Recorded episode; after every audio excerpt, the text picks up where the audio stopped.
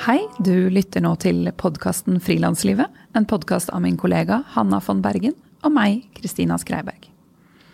Vårt mål med denne podkasten er å være en faglig og inspirerende kanal for alle som jobber for seg selv i medie-, kunst- og kulturbransjen.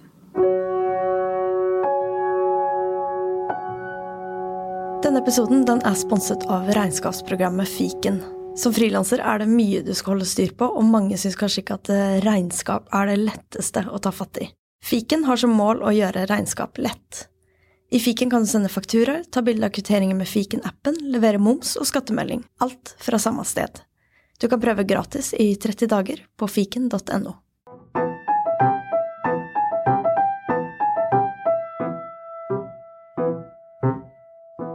I dag har vi besøk av Norunn Haugen. I fem år gikk hun undercover i den norske kjøttindustrien for å undersøke hvordan dyrene behandles. Det hun fant, sjokkerte henne, og har også sjokkert alle som har sett Brennpunkt-dokumentaren 'Griseindustriens hemmeligheter'. Norunds skjulte filmopptak står i sterk kontrast til den landbruksidyllen vi vanligvis blir presentert for. Norun, som er 29 år gammel, har levd et anonymt dobbeltliv over flere år for å unngå å bli avslørt. Hun har hatt flere falske identiteter. Hun har byttet dialekt og utseende, har ikke eksistert på sosiale medier, og hun har løyet til familie og venner. De visste ingenting om det hun holdt på med. Jeg er nysgjerrig på hvordan man lever når man gjør alt for å ikke bli oppdaget. Om hvordan hun har holdt motivasjonen oppe i de tyngste stundene. Jeg lurer på hva det har kostet Norunn, og om det har endret henne. Hei, Norunn. Hei. Du, Så utrolig hyggelig at du er her. Hyggelig at jeg fikk komme. Du, du var eh, forsinket i dag. Ja. Og da du kom, så fortalte du at det er fordi du fant en skadet due i morges. Ja. Og måtte redde den og ta den med hjem. Fordi det er sånn du gjør. ja, jeg har holdt på med det i mange år. Eh, hvis jeg ser dyr som lider, så vil jeg Jeg klarer ikke å lukke øynene, så jeg tar de med meg. Så ja. Så du har hatt flere dyr hjemme i le Ja, leiligheten din? Ja, jeg har hatt mange forskjellige fugler. Eh, ender, måker, spurv, fink, kjøttmeis. Duer, mange av dem, fordi de blir ofte sjuke. Så ja, så jeg har hatt en del fugler. Så utrolig fint. Ja. Det, det var en veldig eh, god grunn til å være forsinka. Ja, i hvert fall i mitt hode, så er det det. Ja. Du, hvordan har du det liksom nå, når du ikke trenger å være Amalie eller Marie eller eh, Kristine lenger?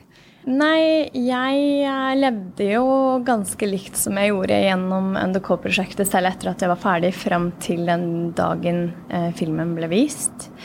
Så for meg så var det jo en veldig stor omveltning eh, å gå fra å være veldig isolert og anonym da, til å plutselig skulle eksponeres eh, i media, og, og at disse opptakene kom ut. da. Eh, og jeg er kjempetakknemlig for det. Men eh, for meg så har det vært en veldig stor overgang. Jeg jobba hardt for det prosjektet her, og det ble liksom perioden etter de to ukene med mest mediekjør, da. Eh, for da gikk jeg mye på autopilot i den perioden. Så ble jeg ganske sånn Det føltes som jeg var inne i et sånt vakuum. Hvor man på en måte var litt sånn en slags liten krise, da. Det ble på en måte de ettervirkningene av å eksponeres så mye det kom etter de to ukene. Eh, og eh, jeg har ikke helt klart å legge fra meg den der alarmberedskapen for eksempel, som jeg gikk med i mange år, det med å ikke bli avslørt. Eh, så jeg er jo fortsatt litt sånn tar tid å på en måte møte mennesker og Jeg har blitt kjent med noen, men det er eh, Det er litt sånn Det er en stor om, omveltning, da. Um, og bare det med sosiale medier, det er jo på en måte en påkjenning, kan jeg nesten si. Eh, de fleste er jo vant til Facebook og Instagram og sånne ting, men for meg så er det nesten litt sånn eh, I starten så gjemte jeg meg under et bord hver gang jeg postet noe. Det høres helt idiotisk ut, men jeg bare fikk et sånn skikkelig behov for å gjemme meg bort, da. Um, så jeg syns det er rare reaksjoner i ettertid. Men det går bedre nå, da. Nå, det går jo framover. Men uh, det, har vært, det har vært en veldig rar periode nå i sommer etter at filmen kom ut. Men det er jo kanskje ikke så rart. Altså, for du har jo er veldig sånn ytterpunkter før filmen og etter filmen. Med enorm oppmerksomhet etterpå. Ja. Men eh, på sosiale medier, eller jeg sjekket ut Instagrammen din, og der eh, Hvor mange følgere har du der? Jeg tror rundt 3000 nå. 3000. Ja. ja. Så mister jeg noen hver gang jeg poster noen stygge bilder av de som lider. Jeg tror ikke folk er så glad i det. Så, ja.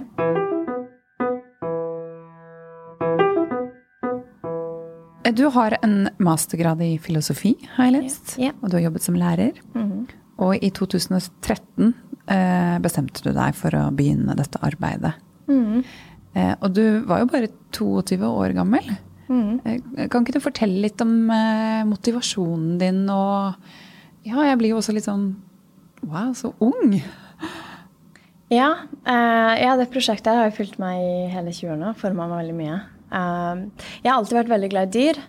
Og jeg var så heldig å ha hytte, familiehytte på fjellet fra jeg var ett år gammel. Og der var det veldig mange kyr og sauer eh, som var på beite. da. Eh, så jeg var veldig mye med dem. Det var det beste jeg visste, å være med dem. Og så eh, ble jeg veldig interessert i, i landbruk, for jeg hadde jo et bilde av at uh, dyrene har det bra. Og jeg ville jo også bli bonde en periode og jobbe med kyr. Så, uh, og så ble jeg veldig knytta til lam, da, som et lille lam. Jeg kalte den for det. Eh, som jeg var veldig mye med hver dag. De kom, Den flokken han tilhørte, kom til hytta hver dag eh, og fikk mat, og så gikk jeg rundt med dem. Eh, og så fortalte broren min meg en dag at, eh, at Lille Lam kom ikke til å være der etter sommeren, for han skulle til slakt. Og da ble jeg ganske knust. Fordi barn ser jo ofte på dyr som, som venner. ikke sant? Man tenker, skiller ikke like mye mellom mennesker og dyr, eh, disse barna. Og, eh, så jeg så jo på Lille Lam som en venn, da. Men så tenkte jeg ikke sånn kjempemye over det men etterpå. Men jeg ble bare veldig interessert i, i landbruk og ville da bli bonde. Og så har jeg gjennom ungdomstiden vært veldig glad i dyr.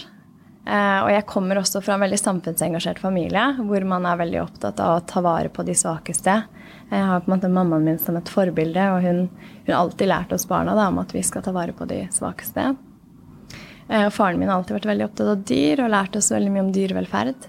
Så jeg tror på en måte For meg så, så, var, det, så var det sånn at jeg, jeg begynte jo på filosofistudiet. Så hadde jeg jo da dyreetikk, blant annet, der. Og eh, da var det jo mye om dyrene i kjøttindustrien. Men det var på en måte fra altså det var mye sånn, Den litteraturen handlet hovedsakelig om, om utenlandske forhold. Og så begynte jeg å tenke over hvordan er det dyra i, i Norge har det. Uh, og så, så kommer det et tidspunkt der jeg liksom Jeg begynte å søke på nett på norsk landbruk blant annet, og slakterier og kjøttindustrien. Men så kom det jo ikke noe opp annet enn idylliske bilder. Og på slakteri så var det stort sett bare fra det som kalles ren sone, altså etter dyra er avliva. Så jeg ble veldig nysgjerrig, da, som den også filosofen jeg er. Så jeg tok kontakt med, med en aktør i kjøttindustrien og spurte om jeg kunne få komme inn eh, og se. Og da ble jeg avvist. Jeg spurte faktisk også om jeg kunne få ta bilder, da. Eh, men det fikk jeg ikke. Og da ble jeg ganske Da begynte jeg å tenke liksom hva, hva er det de prøver å skjule? Og så tenkte jeg at ok, da burde jeg kanskje prøve en annen metode, for jeg ville gjerne se hvordan det så ut. Jeg er litt sånn når jeg først på en måte bestemmer meg for noe, så klarer jeg ikke å slippe det. Og så, så brukte jeg da falsk identitet og en historie, og så kom jeg inn, og så så jeg Det jeg så, var veldig motsvar til kontrast da, til det jeg vanligvis eh, har fått sett. Det var en veldig sterk opplevelse, og de dyra jeg hadde sett, de på en måte hjemsøkte meg ganske mye. Så jeg tenkte at, eh, For det første så tenkte jeg at det er ingen som kommer til å tro på det her hvis ikke jeg filmer det. Og eh, Så jeg bestilte kamera og bestemte meg da for å fortsette å undersøke hvordan dyra behandles, da, men da med kamera.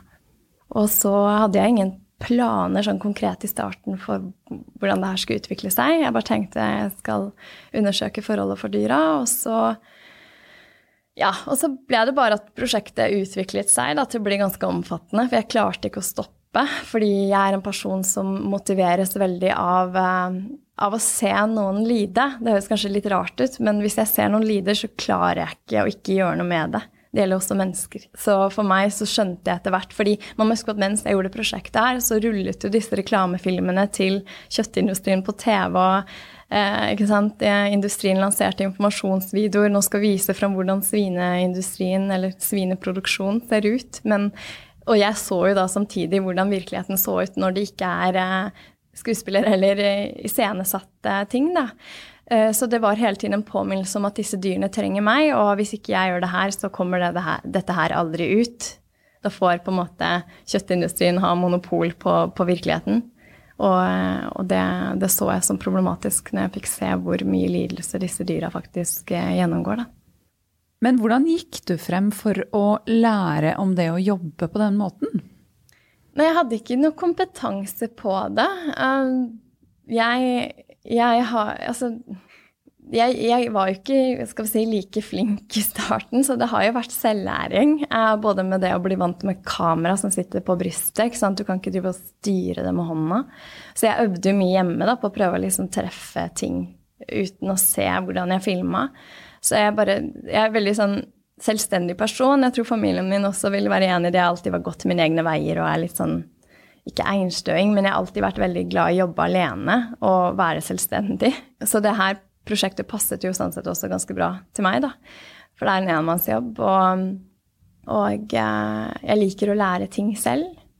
Så, så, jeg bare prøvde meg rett og slett fram, og så var det jo ikke like lett i starten. For eksempel, eh, jeg var ikke like flink til å på en måte spille roller i starten som jeg ble etter hvert. Eh, sånn, det kalles jo social engineering, ikke sant? hvordan man lærer seg å spille en, en rolle. Og så, så, det er på en måte noe som kom etter hvert. Og da ble jo også prosjektet bedre, egentlig. Men hadde du noen å rådføre deg med, eller har du sittet liksom og googlet social engineering? Eller? Nei, jeg hadde en bok som jeg kjøpte og bestilte, men jeg har ikke brukt den så veldig mye, så det meste er på en måte selvlært. Um, ja. Så jeg hadde ikke noen å rådføre meg med, nei. Hvordan har det vært å leve sånn? i fem år?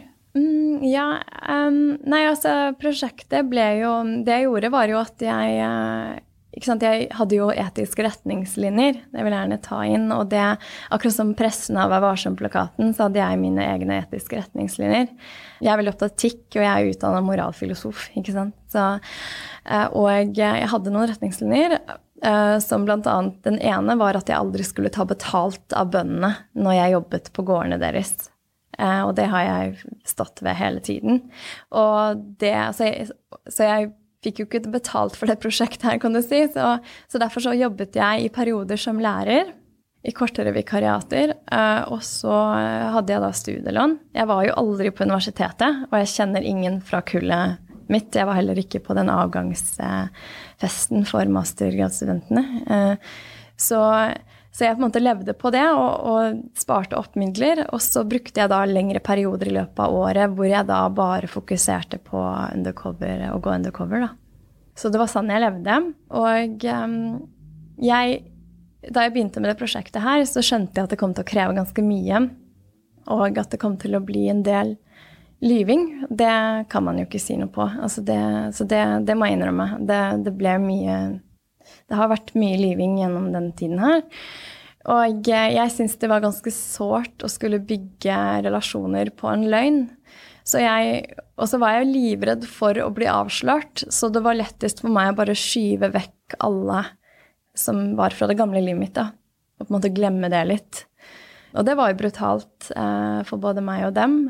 Og jeg kunne ikke oppgi hvorfor. Familien min hadde jeg mer kontakt med i periodene jeg ikke gikk undercover, men med en gang det nærmet seg på en måte undercover-periodene, så skjøv jeg dem vekk da, i frykt for at de skulle finne ut av hva jeg drev på med, og at det også skulle være en stor belastning for dem. Så det var jo også for å skåne dem, da. Eh, men jeg ble ikke kjent med noen nye mennesker, f.eks. Det var jeg veldig redd for i den perioden, så jeg holdt meg helt unna unna alle, egentlig. Eh, og overfor kollegaene mine så hadde jeg en historie jeg brukte. Og jeg, jeg satt alltid alene, jeg satt aldri på pauserommet med de andre lærerne. Og jeg, var, jeg liksom holdt meg for meg selv hele tiden, da. Så de må nok ha tenkt at jeg var ekstremt sjenert eller uh, introvert eller jeg vet ikke. Men uh, ja, så, så, det var veldig mye fokus på å være alene med prosjektet. Og Men jeg hadde en hund, så han var jo på en måte han, han, var jo en reddende engel i det her, da. Så jeg var, var jo med han veldig mye. Um, han var jo også med meg når jeg dro på lengre turer og bodde på hytte med meg. Så han var med i bakgrunnen. Ja, da jeg så dokumentaren, så tenkte jeg takk og lov at hun har en hund. Ja. At du hadde det, den nærheten. ja, han var jo den som på en måte gjorde meg myk igjen når jeg kom, kom tilbake fra Eller kom hjem da på hytta, f.eks., til, eh, til han etter å ha vært undercover og vært, måtte være brutal med dyr. Så var det så godt å komme hjem til han og bare være myk og god og kjærlig. Bare fullt av kjærlighet, da. Så han var på en måte kanskje den som holdt Gjorde sånn at jeg ikke ble helt avstumpa. Så ja. Men dette med venner og familie, eh, eller det, det gamle livet, da. Det, eh, det er jo én ting det å ikke ta inn nye. Men de gamle, hva slags taktikk brukte du? Altså var du eh, Sa du 'jeg vil ikke ha dere i livet mitt akkurat nå', eller eh, bare tok du bare ikke kontakt? Liksom, hvordan var den eh, Nei, det var begge deler. Eh, De jeg på en måte var nærmest, de måtte jeg på en måte bryte tvert av med. Så da var jeg ganske direkte da, og sa at jeg ikke kunne ha kontakt, og så hadde jeg en unnskyldning. Eh, Og med andre så sluttet jeg bare å ta kontakt, og så gikk det seg ut. Familien min det er nesten litt sårt. Jeg trenger ikke å gå i detalj på, men der var det mer sånn Altså, jeg har alltid vært veldig tett med familien min, så det var kanskje det vanskeligste. Og jeg hadde veldig mye dårlig samvittighet for dem, særlig mamma.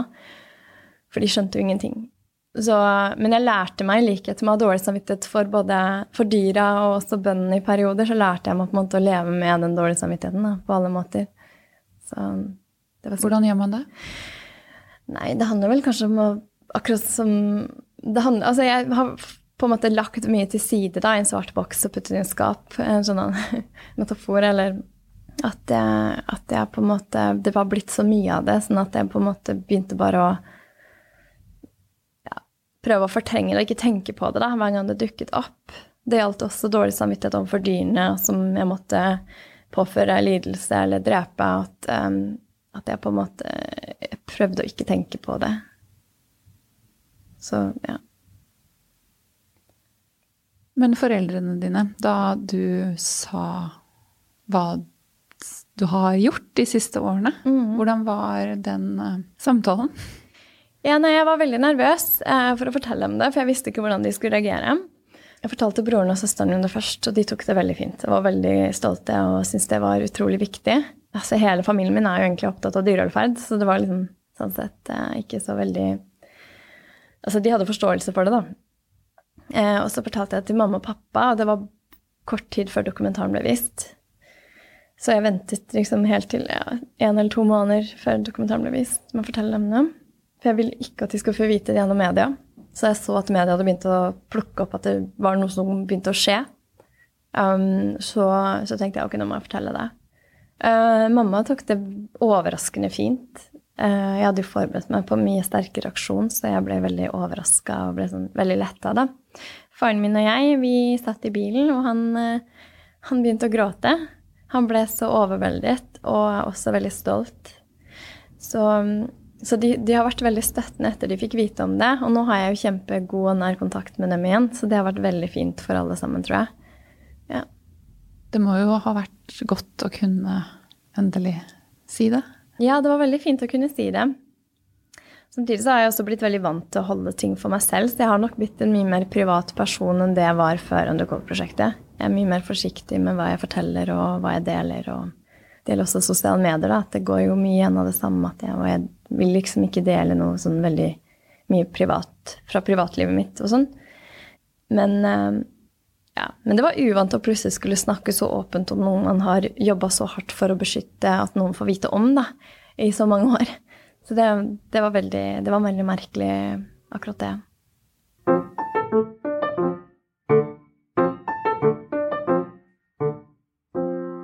Da du begynte å jobbe på de forskjellige gårdene, hva, eh, hva var det du fant? Det er kanskje noen der ute som ikke har sett dokumentaren enda? Mm.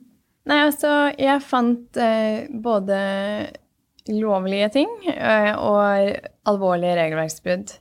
Og det, det, som gikk igjen, da, både på slakteriene og på gårdene, eh, var jo veldig mye og utstrakt bruk av vold mot dyr i alle sammenhenger. Og det er ikke sånn at den volden oppstår ved at man bare plutselig får lyst til å slå på en purke, f.eks. Det oppstår i forbindelse med rutinearbeid, som f.eks. det å eh, møkkaskraping. At man rengjør binger. Og det gjør man daglig, og det er veldig, veldig, veldig mange binger man skal rengjøre. Og det skal gjøres så fort som mulig. Eh, det som er at Disse grisene de er veldig understimulerte fordi de lever livene sine i disse trange betongbingene uten noe å sysselsette seg med. Så de blir ganske innpåslitne hvis noen kommer inn, eller hvis noen putter noe inn der. De, liksom, de utvikler stereotypisk atferd og liksom bare biter på alt de kan bite på det. Og da får man jo alltid beskjed om at Eller jeg fikk alltid beskjed da, om at man skal slå dem. Eh, det var alltid løsningen på det. Eh, og de bøndene også, de slo dem. Eh, så det, det jeg etter hvert så, det er at språket mellom menneske og dyr i industrien, det er vold. fordi Istedenfor å på en måte se at grisen prøver å kommunisere hei, jeg er skikkelig understimulert, jeg kjeder meg i hjel, liksom. Og at man setter inn noen tiltak for at de skal få noe litt mer å drive med. da. Så tar man heller og slår dem og prøver å liksom kue dem. da. Samme på, på slakterier. Eh, der så jeg også at uh, man, man, har jo med levende dyr å gjøre. Og når de kommer inn på slakteriet, da, f.eks. Uh, kyr, så stopper de opp fordi de har behov for å liksom orientere seg litt. De kommer til et helt nytt sted. Det er mye skarpe lyder, mye sånn lukt og mye hyl. Så de stopper jo opp. Men slaktelinja den stopper ikke opp. Og det man må gjøre da, eh, vi som jobber med levende dyr, eh, vi måtte da drive disse dyrene så fort at denne slaktelinjen ikke stoppet. Så, og da, da, bruker man vold, fordi eh, du får ikke disse dyra til å gå fort nok hvis ikke du slår dem, eller bruker strøm, da, som for øvrig er lovlig å bruke på dem på slakterier. Gi dem strømstøt. Så, så, det jeg så, var jo egentlig det at eh, i kjøttindustrien så det passer ikke for levende vesener. Dyrene må gjøres om til produksjonsenheter, og man må egentlig tenke at de er bare ting. Så, så det, var, det, var, veldig mye voldsbruk i forbindelse med flytting av dyr, rengjøring, helt sånne vanlige rutiner. Uh, og, og, derfor så er det også voldsbruk hver eneste dag. Fordi disse rutinene her gjør man hver eneste dag. Uh, og så så jeg jo veldig mye brutale måter med å avlive dyr. På spegris, altså grisunger, da slår man dem i hjel. Og det er jo også lovlig i Norge. Tyskland forbød gjenslåing av spegris i 2013 av dyrevelferdshensyn. Mm, og det man gjør da, det står forskjellige metoder. og da, Det ene er at man knekker nakken til spegrisen over en metallstang. Eh, og så kan man slå dem i hodet med en hammer. Eller så er det da å slå dem hardt i veggen. Som en sånn uh, slynge, nesten. Det var veldig bisart, hele det opplegget. Og det som skjer da, er at de skal egentlig avløse at man skjærer av strupen etterpå for å være sikker på at de dør. Men det, det, så jeg overalt at det gjorde det ikke. Så ja. Det må jo gjøre noe med de menneskene som jobber sånn hver dag òg, tenker jeg. Ja, jeg jeg tenker jo at det er viktig å si, fordi jeg fikk jo Jeg var mye med disse menneskene, og i filmen så blir man jo ikke kjent med disse menneskene. Jeg så aldri at de var snille med dyrene. Det var ikke noe kjærlighet eller kos eller omsorg for dyrene. Men de var snille med meg og, og folk, og de var trivelige mennesker som de, de, ingen av de hadde noen sadistiske trekk. Eh, den misbruken mot dyrene den oppsto i stressende situasjoner eller der det var rutinejobb. da. Fordi det, det var som om de hadde en stoppeklokke med seg hele tiden hvor ting skulle ta raskest eh, mulig tid. F.eks. var det en bonde som sa at hvis vi slår noen av grisene og får dem til å skrike, så er det veldig bra, for da går de andre grisene raskere, for da blir det hyling og stress. ikke sant? Så alt skal gå veldig fort, og det er jo et av kjennetegnene på industrilandbruket. At eh, det med effektivitet, da. Krav om det. Og det samme med avveininger om man skal avlive en spegris eller ikke. Da regner man i kroner og øre hvor mange, hvor mange timer man eventuelt må pleie den spegrisen, og hvor mye man tjener på det. Så det er sånne økonomiske avveininger hele tiden. Så disse menneskene her, de er jo på en måte egentlig prakteksempelet på bønder eh, som landbrukspolitikken vil ha. Fordi siden 1990-tallet så har eh, landbrukspolitikken eh, Altså politikerne vedtok at eh, landbruk skulle bli mye mer effektivt. Eh, og at man eh, Og det gikk særlig utover grisen og kyllingen. Hvor man skulle begynne med veldig mye intensiv husdyrhold, da. Så konsekvensen av det er det man ser i filmen. At det er ingen enkle løsninger, og alt skal gå fort. Og de løsningene man finner som er økonomiske, de går alltid på bekostningen Altså på dyrenes bekostning, da. Og så så jeg mye behandling, eller ingen behandling, av sjuke dyr. Det var mange, eller nesten Altså, det var gjennomgående dyr som eh, var sjuke, som lå og bare ble lagt for seg selv i hjelpeløs tilstand uten mat og vann, og som eh, døde sakte, men sikkert. Et sted jeg var, så sa bonden at uh, han pleide bare å la de gå i gangen uh, til de døde av seg selv, uten mat og vann. Og de ble også puttet i en binge, og så sa han at her kan de gå for moro skyld, og i morgen er de cirka daue. og det her så jeg også hos andre, mange andre bønder, da. At man, man lar bare dyrene dø av seg selv. Eh, særlig grisunger. Hvis man ser en syk grisunge, så, så, lar man den bare ligge, og så er den død etter noen timer, f.eks. Og da lider de jo veldig mye.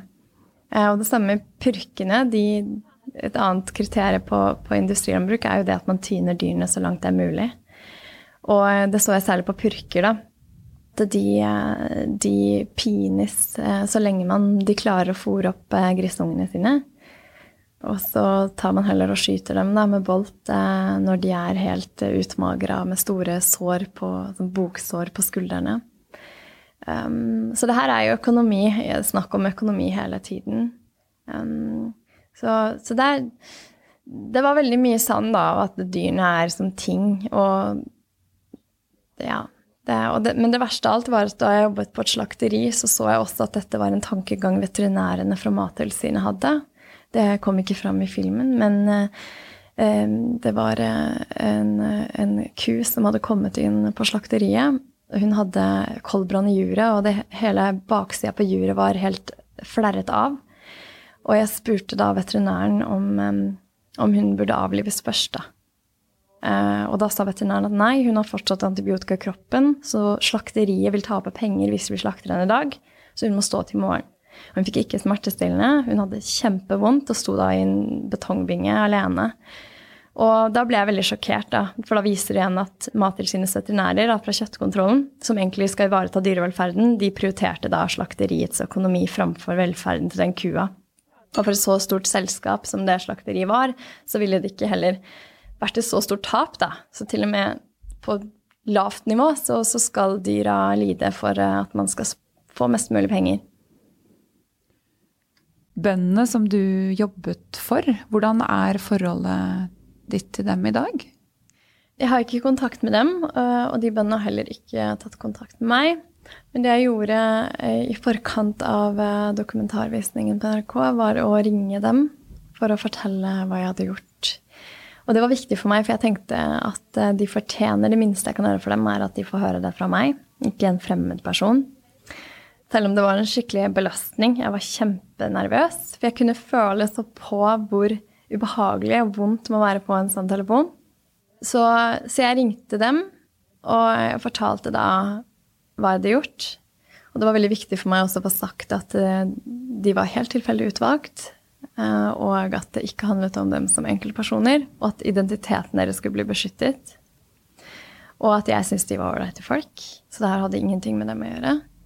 Så det var viktig for meg å få sagt til dem. Og de reagerte jo veldig forskjellig, så da var det jo det å være et liksom medmenneske.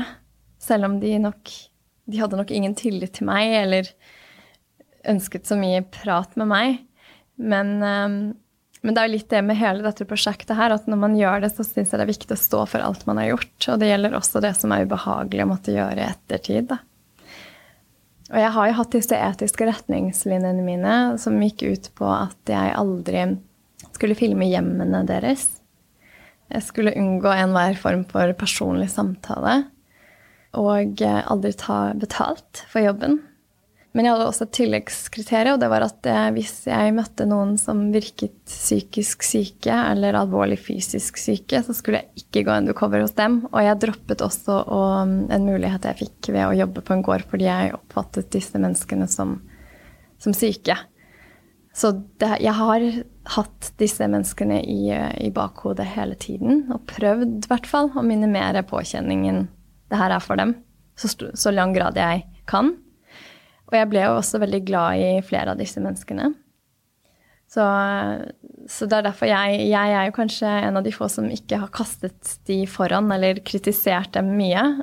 Kjøttindustrien var raskt ute med å kaste de foran seg. For å på en måte forsøke å opprettholde denne illusjonen at vi har så god dyrevelferd, så reduserte de problemet til den enkelte bonden istedenfor å ta ansvar selv. Og det var utrolig kynisk og uansvarlig gjort av dem.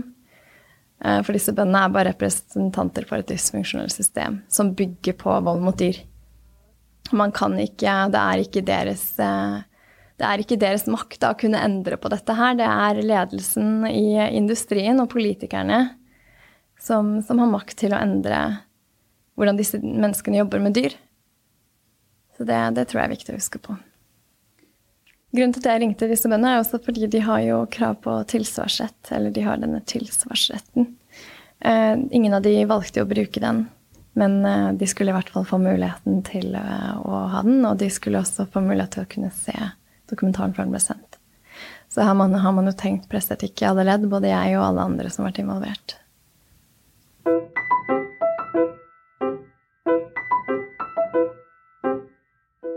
Norunn, du fortalte at du har eh, mye mer materiale enn det som ble vist i filmen.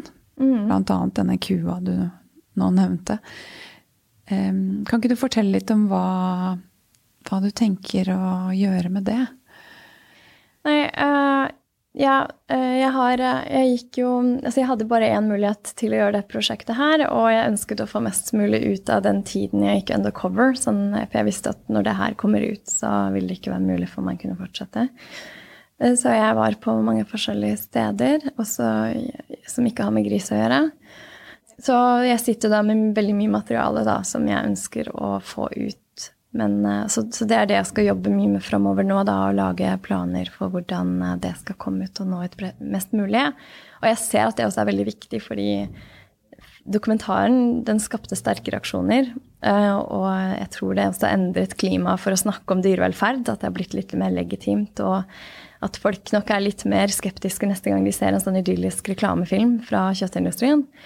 Um, jeg har sett også politikerne er opptatt av dette temaet. Men det som skjer, er jo igjen at når vi ikke eksponeres for det eh, lenger, så er det lett å glemme disse dyrene. Jeg jobber nå som en kronikk som heter 'Vi må ikke glemme dyrene', som nettopp handler om det. Så, så jeg tenker at det er veldig viktig at uh, det kommer mer materiale, så folk skal få måte, se igjen, da. Også politikerne som, som bestemmer landbrukspolitikken, skal få se mer av konsekvensene av det landbruket vi har i dag og hva det koster dyrene. Men jeg kan jo bare med en gang si også det at jeg kommer til å følge disse, følge denne Vær varsom-plakaten og passe på identiteten til de, de, menneskene jeg har filmet. At de skal selvfølgelig beskyttes og sensureres. Det er jo viktig for meg. For jeg er ikke interessert i å henge ut eh, noen enkeltpersoner. Og det, det er veldig viktig, syns jeg. Fordi det her handler om et system, og disse menneskene de er tilfeldig utvalgt, og de, de er bare representanter, da. Eh, og jeg syns jo også fryktelig synd på dem som må ha en sånn jobb, og hva de gjør med dem som personer. Jeg tror heller ikke de, det gagner dem å måtte jobbe med dyr på denne måten her. Så det er ikke bare grisene som har det kjipt? Nei, det er også kyllingene. Og eh, Melkekyr har det også ganske tøft. Der var det jo særlig det med å separere mor og kalv, da, som jeg var med på en gang, som er kanskje det som gjør det sterkeste inntrykk eh, på meg av absolutt alt jeg har sett og måtte gjøre. For det er liksom rokker ved noe veldig sånn eh, Det rokker ved på en måte kanskje det mest naturlige i hele verden, at mor og barn skal få være sammen. Uh, mens i melkeindustrien så tar man jo kalvene vekk fra mora. Og kalvene er akkurat uh, født da, eller en dag etterpå. Så den kalven jeg var med um, Det var jo den Da hadde en eh, ku akkurat Eller det var en dag siden hun hadde kalva, og da skulle vi fjerne denne kalven og sette den i en sånn kalveboks for seg selv. Og de står helt alene i åtte til tolv uker etter eh, de har blitt født. Og det husker jeg var så fælt, fordi bonden sa da at det var jeg som skulle dra kalven vekk fra mora. Og den kalven den prøvde jo febrilsk å komme tilbake til kua, da. Og kua fulgte etter, for det var løsdriftsfjøs, og kua fulgte jo etter på andre sida av gjerdet. Og jeg måtte ta på kalven en sånn halsbånd og prøve å dra den vekk. Og så så jeg at Altså, jeg klarte ikke å la være at de skulle få si ha det, kan du si, en siste gang. Så jeg lot den kalven få lov til å gå bort til gjerdet og snuse på kua en siste gang. Og så dro vi kalven vekk, eh, og da tok bonden og løftet den opp som den var en sånn trillebår. da. Liksom tok den opp etter bakbeina og, tok den ut, og kua fulgte etter. Og så stoppet hun da på kanten av gjerdet, for da kom hun ikke lenger. Og så begynte hun å raute veldig mye. Og det var så hjerteskjærende, den, eh, denne hendelsen der. Og den kalven da, den sto alene da etterpå i en sånn kalveboks. Det er sånn hvit plastboks som de står inni, og var livredd. Så det var sånn den, den, hendelsen der, den har fått meg til å gråte mye i ettertid. For det liksom Det var så brutalt, da. Selv om det ikke er på en måte fysisk dyremishandling, så er det jo Dyrene har jo et følelsesliv, de også. Selv om vi har en tendens til å tenke at de bare er instinkter, så vet vi jo nå at dyr har også mye følelser. Så det, det må jo være ganske vondt for dem, da. Har du hatt noen å lene deg på i løpet av disse årene hvor du har kommet hjem med sånne opplevelser, bortsett fra hunden din? Nei, men jeg skrev en periode veldig mye sånn dagbok, men det sluttet etter hvert med da jeg selv ble avstumpa. Eh, da forsvant det behovet eh, for å på en måte prosessere så mye. Men jeg har jo hatt eh, dette produksjonsselskapet. For jeg ga jo, etter hver tur så ga jeg opptakene til et produksjonsselskap, Piraya Film. Og så var det da regissør Olav Vågen som har regissert denne filmen. Um, og jeg hadde jo muligheten til å snakke litt med dem.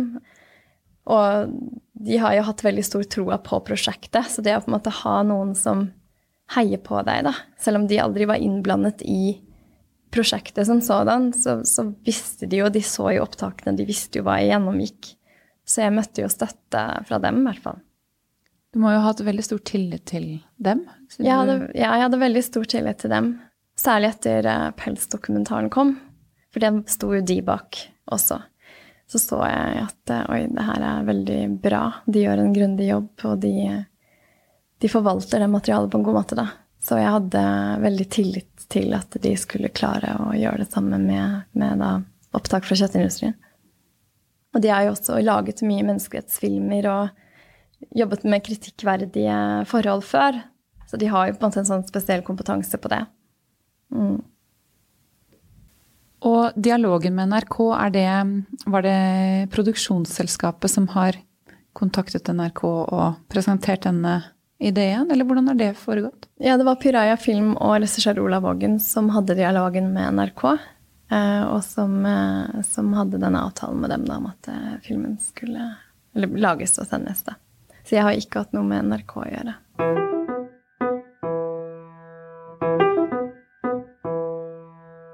Men i de stundene hvor det har vært tyngst å jobbe på denne måten, hva har um, motivert deg til å fortsette? Jeg har sett veldig mye på um, Altså, det har jo vært tunge stunder hvor jeg også på en måte har blitt påvirket av den isolasjonen. Da. Jeg har vært veldig mye ensom. Holdt på å gå på veggen noen ganger. Og det har vært veldig mye mørke perioder hvor jeg også har hatt um, liksom personlige kriser, fordi jeg har alltid vært et ekstremt følelsesmenneske. Så jeg hadde egentlig et ganske dårlig utgangspunkt for å begynne med det her. Og det å på en måte se meg selv, da, hvordan jeg endres da, og blir kaldere og F.eks. da jeg ikke lenger gråt etter jeg hadde vært på undercover i bilen. Så det var veldig skremmende for meg. Og jeg prøvde å tvinge fram tårer, da, men det gikk ikke.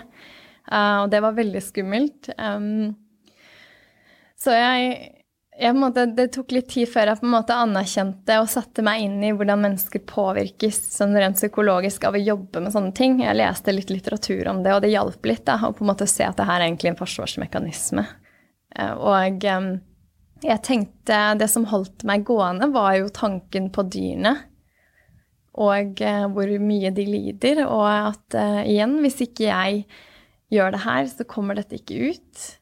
Uh, og jeg fikk jo dette mantraet gjennom dette prosjektet at dyrene først. Dyrene kommer alltid først. Og eh, det ble på en måte en sånn regel for meg hvor det etter hvert bare skjedde på autopilot. At jeg skulle ikke ta hensyn så mye til hva jeg følte eller tenkte. Det var liksom viktigste var å gjøre denne jobben her. Og så har jeg jo hatt noen individer jeg har møtt som har påvirket meg veldig. F.eks. denne purka som prøvde å rømme fra slakteriet. Det er jo med i filmen. Jeg kalte henne for Hortensia. Og hun er jo det tøffeste individet jeg noensinne har møtt. Som prøvde å rømme fra denne innegningen rett før hun skulle få strøm gjennom kroppen. Det, det, så, så jeg tenkte veldig mye på henne, da. At når hun turte det, så skal jeg også tørre dette her og klare det her. Så hun ble kanskje en slags sånn forbilde for meg, egentlig. Selv om hun endte jo med å bli drept. Men hun var så modig, da.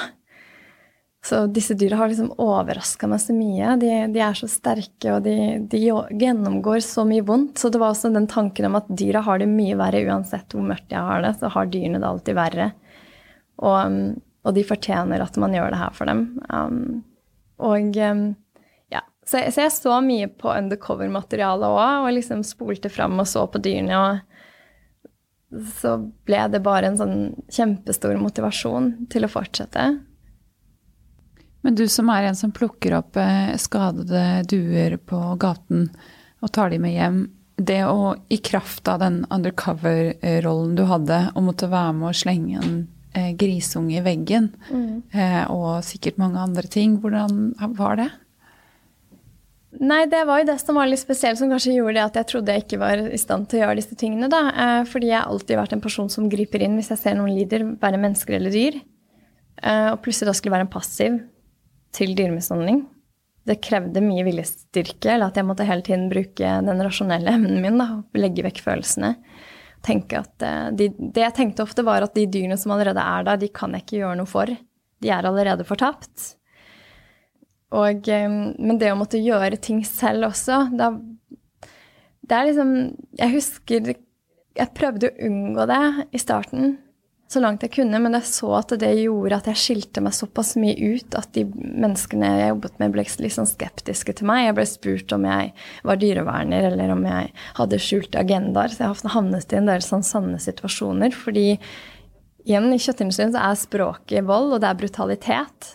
Hvis man kommer inn der og er myk og helt annerledes, så blir man lagt merke til. Og jeg var jo kvinne i et veldig mannsdominert yrke, så det i seg selv skapte litt mistenksomhet til meg, og jeg måtte jobbe enda hardere for å få tillit. Så jeg forsto på en måte at hvis jeg skal få et helt utilskjørt bilde av hvordan dyr har det, så må jeg bli med og være en del av dem.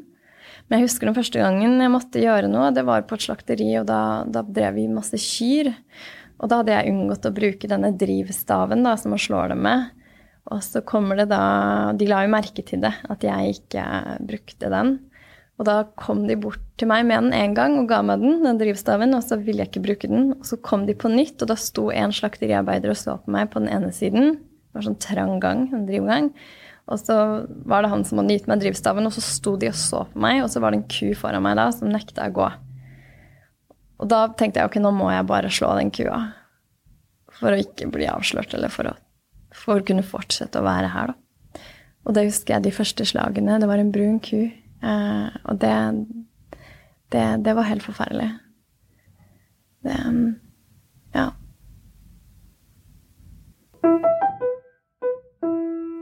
Du er jo frilanser, du også. Ja.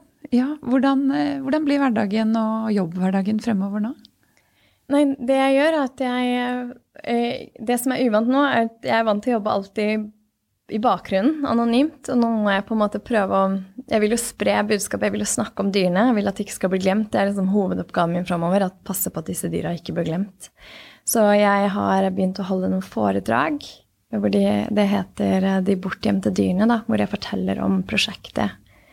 Eh, og jeg har powerpoint med bilder og, og, og snakker om disse dyra og disse systematiske Eh, funnene jeg fant. Og så jobber jeg også politisk. Jeg har vært så heldig at politikerne ønsker å snakke med meg. Så det hadde jeg ikke helt trodd. Så det, det setter jeg veldig stor pris på.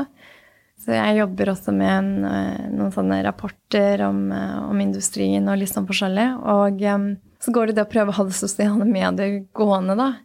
Jeg er veldig uerfaren på det, så jeg har begynt å lage en litt sånn plan da, over hvordan jeg skal få det til å bli litt større. Men foredrag Jeg er jo vant til å være lærer ikke sant, og snakke foran et publikum, elever. Men så da jeg holdt det første foredraget mitt for et par uker siden, så merka jeg at det var det var veldig fint, og det var så fint å kunne få snakke om dyrene foran noen som faktisk har lyst til å høre om dem. Og det er noe jeg gjerne vil gjøre mye mer av framover. Og så er jeg også invitert på en mediekonferanse i Tromsø, Svarte natta, eh, hvor jeg skal snakke om metoden. Jeg tenker at denne metoden den skal forvaltes på en god måte. Det er ikke noe man skal gjøre Man må ha respekt for at det er en kontroversiell metode, og at det må oppfylle noen kriterier i Hva varsom-plakaten. Men jeg håper jo at journalister kan bruke det i en større grad, for her kommer det også journalister fra utlandet. Og jeg håper å kunne på en måte inspirere til at det blir et mer brukt, brukt, eller brukt journalistisk metode, da. Fordi hvis man skal avdekke kritikkverdige forhold som ikke er mulig å avdekke på åpne måter, selvfølgelig. Var det en liten digresjon, da, men var det ikke slik at du ble politianmeldt pga. denne metoden? Jo, jeg ble politianmeldt av en, en, bonde som ikke var en av mine bønder. Han var bare en annen tilfeldig bonde. Jeg så jo på den anmeldelsen som et slags PR-stunt, for det kom kort tid etter filmen, og det fikk oppmerksomhet. Eh, jeg ble ikke skremt av den anmeldelsen i det hele tatt. Jeg så egentlig heller mulighetene ved det. For jeg tenkte at hvis, hvis jeg blir anmeldt da, for å ikke bruke meldeplikten min eller drive med dyremishandling, som han mente, så tenkte jeg at jeg kunne sette presedens for eh, andre mennesker som, som, gjør dette her, men uten å gjøre det for dyrene, da. Fordi rettsvernet til dyrene i kjøttindustrien det er ekstremt dårlig. Vi har et mattilsyn som ikke klarer å reagere sterkt nok overfor regelverksbrudd. Så når bønder ikke engang klarer å holde minimumskravene, så slipper de veldig, altså man slipper veldig billig unna da. Også slakterier de får latterlig lave bøter, sånn som dette slakteriet som har skoldet en gris eh, mest sannsynlig levende. De fikk jo bare 23 000 i bot. Eh, så, så det sier litt om forholdet mellom alvorlighetsgraden i lovbruddet og straffeutmålingen. Den, den er, det er ikke synk i det hele tatt. Så så jeg tenkte at ved en anmeldelse så kunne jeg få fokus på det, for da ble plutselig rettsvernet til disse dyrene aktuelt, da. Men den saken ble henlagt. Eh, det fikk jeg nylig vite. Så det ble ikke noe mer fokus på det. Så synd. Ja, jeg ja. tenkte egentlig litt at det var synd, fordi jeg, hadde, jeg så som sagt på det som en mulighet til å kunne snakke om dyrenes rettsvern, eller manglende rettsvern, og få fokus på det. Um, så sånn sett så var det litt dumt. Det. Veldig spennende å høre om, Norunn. Ja, tusen, tusen takk. Takk for, for at, at du besøkte oss. Ja, det var hyggelig at jeg fikk komme.